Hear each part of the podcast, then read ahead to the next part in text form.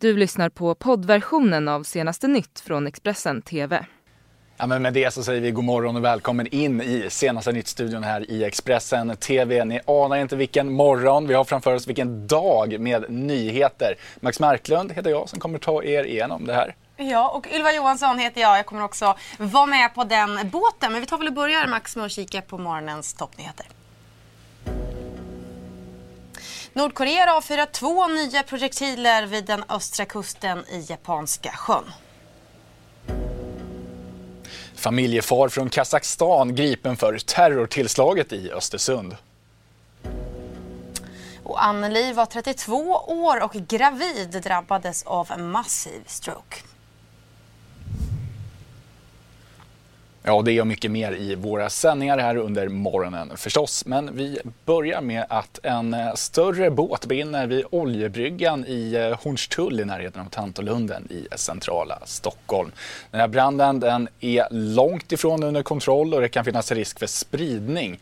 Det säger Stefan Malmberg, ledningsoperatör vid Storstockholms brandförsvar. Mm, och enligt honom så ligger tre större båtar intill varandra vid den här aktuella bryggan och det ska röra sig om eh, Eh, en eh, båtolycka eh, vid oljebryggan i Årstaviken som ligger nedanför Södersjukhuset. Och vi kommer naturligtvis att eh, uppdatera med mer information om den här branden under morgonen. Ja, men det är klart. Men eh, med det så går vi eh, utrikes till Nordkorea närmare bestämt för de ska enligt Sydkorea ha avfyrat två nya oidentifierade projektiler vid den östra kusten i Japanska sjön.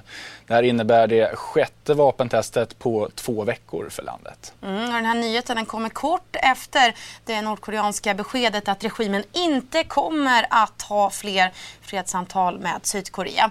Den nordkoreanska regimen ska ha retats upp av att Sydkorea i militärövningar med USA pekar ut landet som det stora hotet. Med det så går vi tillbaka till Sverige igen för polisen är förtegen i det ärendet av den man som misstänks för stämpling till terrorbrott. Han greps vid 11-tiden på onsdagen i Östersund och sitter nu anhållen. Mm, och det ska röra sig om en man i 30-årsåldern med rötter i Kazakstan och enligt Aftonbladet så utreds han för kopplingar till den terrordömde Rahmat Akilov. Då helt plötsligt så ser vi att det bara kommer en bil full av en polisbil med blåljus. Brände ner ganska snabbt här vid sidan. Ett samtal till polisen i Östersund om en bilist som väckte uppmärksamhet. Det var startskottet till gripandet av mannen som nu misstänks för stämpling till terroristbrott. Den stod konstigt till så att eh, folk blev lite misstänksamma. Sen eh, hörde man hur den eh, drog iväg i full fart. En fick en polisbil efter sig. Ena bilen då, alltså han som kör, ja först då, krockade där nere och sen så hoppar polisen ut och eh, drar vapen mot honom och liksom tvingar ur bilen. Mannen kraschade in i en stenmur och polisen kunde gripa honom på plats i centrala Östersund. I bilen så hittade polisen något som gjorde att mannen anhölls misstänkt för förberedelse till mord. En rubricering som senare ändrades till stämpling till terroristbrott. Därför så har Säpo nu tagit över ärendet från den lokala polisen. Överhuvudtaget de brott som vi utreder är ju mycket allvarliga brott och det här är ju en allvarlig misstanke, stämpling till, till terroristbrott. Ja, nej, alltså det var ju en biljakt. Det var det ju. Så det var ju ganska... Körde ju väldigt aggressivt liksom. Och Expressens fotograf Patrik Sjö han har pratat med ett annat vittne som också vill vara anonymt. Så kan berätta mer om vad den här personen såg om händelsen i Östersund. Jag såg en bil på väg till jobbet igår som stod snett parkerad mellan glasskiosken på Stortorget i Östersund och hamburgerian. Var det någonting som du blev... Varför gav det den uppmärksamhet så att säga? För att bilen stod så konstigt snett parkerad. Såg du någon människa i den? Nej, för jag gick förbi bakom, snett bakom. Och sen då, vad hände sen? Sen hann jag bara in på jobb och hänga av med jackan och ut i, in på jobbet igen och då small det. Eller den svischade förbi bilen och sen small det. Det har varit lite olika uppgifter om att hur fort det har gått men eh, enligt dig så, så var det full fart på torget. Ja, var, den körde fort. Man såg bara att det svischade förbi i ögonvrån. Vad har du för tankar om det här? obehagligt att det händer i lilla Östersund. Vad säger kunderna som kommer in idag? Många vet inte ens om det. Men de blir väl skärrade också. Mm, så går vi utrikes till Hongkong för under två månader så har ju nu våldsamma sammandrabbningar mellan demonstranter och polisen pågått i stan. Polisen har då anklagats för att ha utövat akter av övervåld och i en anonym intervju så slår nu polischefer tillbaka mot de här anklagelserna. Ja, men precis. Poliserna försvarar sitt användande av kraft för att svara på vad de karaktäriserar som våldsamt kriminellt beteende. Det här rapporterar CNN om. Nu föreslår dessutom USAs president Donald Trump på Twitter att Kinas president Xi Jinping ska ta sig till Hongkong för att träffa de här upprörda demonstranterna öga mot öga. Han menar att det skulle innebära ett lyckligt slut på problemen i Hongkong. Mm. Vi går vidare till, eh, tillbaka till Sverige igen. Eh, för ett litet antal präster. De blir eh, avkragade varje år på grund av misskötsel. Det rör sig om eh, allt från alkoholmissbruk till sexuellt ofredande. Mm, och Expressens reporter Anna Lapidus han har kartlagt hur det har sett ut de senaste åren men också pratat med de som blivit utsatta av de avkragade prästerna. Varje år blir några av Sveriges 4 500 präster förklarade obehöriga på grund av misskötsel. De avkragas, förlorar sin prästkrage. De förlorar rätten att arbeta som präst på grund av oetiskt uppträdande som sexuellt ofredande, förskingring och sexmissbruk. 2008 så avgick en präst på Gotland sedan det kommit fram att han haft sexuella förbindelser med unga flickor i församlingen. En av de drabbade flickorna är nu 31-åriga Linn Harstäde. Hon har sedan dess valt att träda fram och berätta vad som drabbade henne som tonåring. Linn var 15 år vid tidpunkten då prästen började uppvakta henne. Hon berättar för Expressen att han var manipulativ och att hon som tonåring hade svårt att värja sig och att det spårade ur. Prästen i fråga avgick själv när det avslöjades att han utnyttjat flickor. Men han fick tillbaka sin behörighet 2015 och en ny tjänst i Sydsverige. Det som hände Linn i tonåren påverkar henne fortfarande. Hon berättar att hon har svårt att lita på personen hon är tillsammans med i en kärleksrelation och att hon har varit sjukskriven i fem år för psykisk ohälsa. Prästens advokat meddelar till Expressen att de kommentarer som finns att lämna, de har hans klient redan angivit under tidigare mediebevakning. Och så eh, fortsätter vi här i Sverige för Anneli Torsfeldt Heikenborn. Hon var 32 år, fullt frisk och gravid med sitt andra barn. Hon var mitt i karriären. Men en dag i december 2003 så förändrades livet dramatiskt. Mm, hon satt hemma vid köksbordet när hon plötsligt drabbades av en blixtrande huvudvärk som visade sig vara en stroke. Jag fick min stroke 2003. Då var jag gravid med mitt andra barn i vecka 28 och jag fick akut havandeskapsförgiftning och väldigt högt blodtryck. Och då visade det sig i efterhand att jag hade ett kärlnystan i hjärnan som brast på grund av det höga blodtrycket.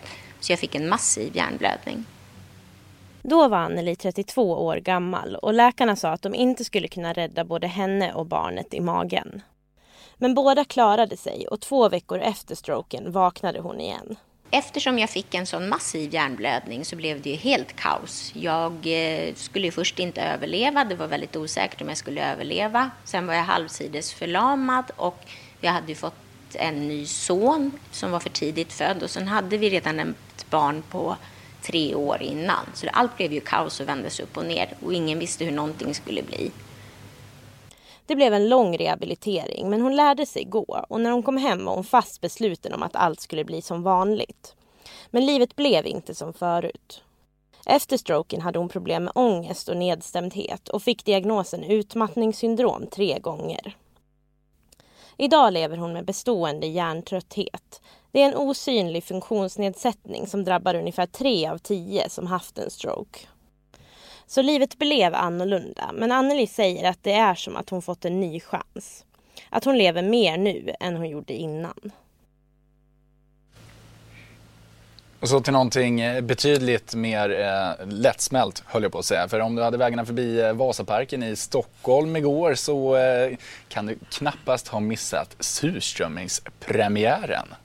Nej, och eh, traditionsenligt så rev eh, nämligen eh, restaurangen Tennstopet av eh, flera surströmmingssittningar på en och samma dag och det var minst sagt en eh, ja, väldigt god stämning vid premiären får man säga. Ja, om ni undrar över grimasen i mitt ansikte så måste jag erkänna att jag inte är den bästa på att ta mig an doften av surströmming. Men i år igen den 15 augusti så är det surströmmingsskiva på Tändstopet och jag har träffat på ett helt gäng som tål doften av surströmming bättre än vad jag gör. Och våra bockar, våra getter, våra fyrfota fän De går i skogen och plockar nötter och skalar barken av våra träd Och mellan himmel och jord det står ett svenskt surströmmingsbord och lilla nubben där till kan du få om du vill. Det är fest. Ja, det är liksom. fest. Det är trubadurer och det är band som spelar och det är jättekul. Men det här är någonting av en kulturhistoria i och med att jag är ju själv från eh, Piteå och eh, uppfödd med surströmming och är nedflyttad till Stockholm sedan ett antal år tillbaks och eh, få vara på Tändstopet som är det anrika stället i Sverige för, som serverar det här tredje torsdagen i augusti. Det är ju en upplevelse. Vi serverar det med tre sorters lök, så får man tre sorters ost, eh, mjukt och hårt tunnbröd och sen mandelpotatis, gräddfil och sen är det bara att hugga in. Alltså. Eh, doften är helt okej, ingen fara. Det går över. Smaken är bättre, helt klart. Tre fiskar har jag ätit. Nej, två. Två. två. Kändes som tre. Om man tänker sig att en, en eh, gammal gymnastiksal då kan man gärna sitta på Odengatan istället och äta surströmming i goda vänners lag för man vet att man får en härlig snaps och en god öl.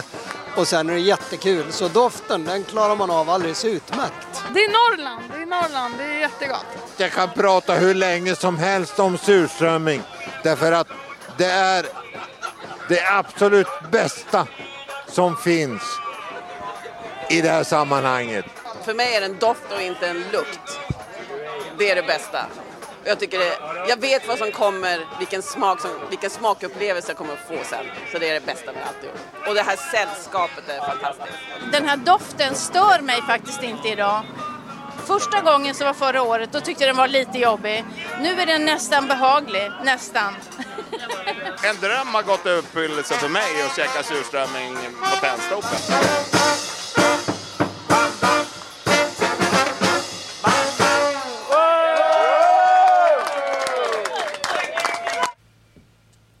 Ja, idel glada miner där, men det är ju en doft som är lite svårsmält ändå, det får man lov att säga. Ja, verkligen den delar folket minst sagt. Eh, Max, eh, ska vi ta en paus? Vi tar en paus. Du har lyssnat på poddversionen av senaste nytt från Expressen TV. Till förordnad ansvarig utgivare är Klas Granström. Ett poddtips från Podplay. I podden Något Kaiko garanterar östgötarna Brutti och jag, Davva, dig en stor dos skratt. Där följer jag pladask för köttätandet igen. Man är lite som en jävla vampyr. Man har fått lite blodsmak och då måste man ha mer. Udda spaningar, fängslande anekdoter och en och annan arg rant. Jag måste ha mitt kaffe på morgonen för annars är jag ingen trevlig människa. Då är du ingen trevlig människa, punkt. Något Kaiko, hör du på Podplay. Därför arkadeinerna.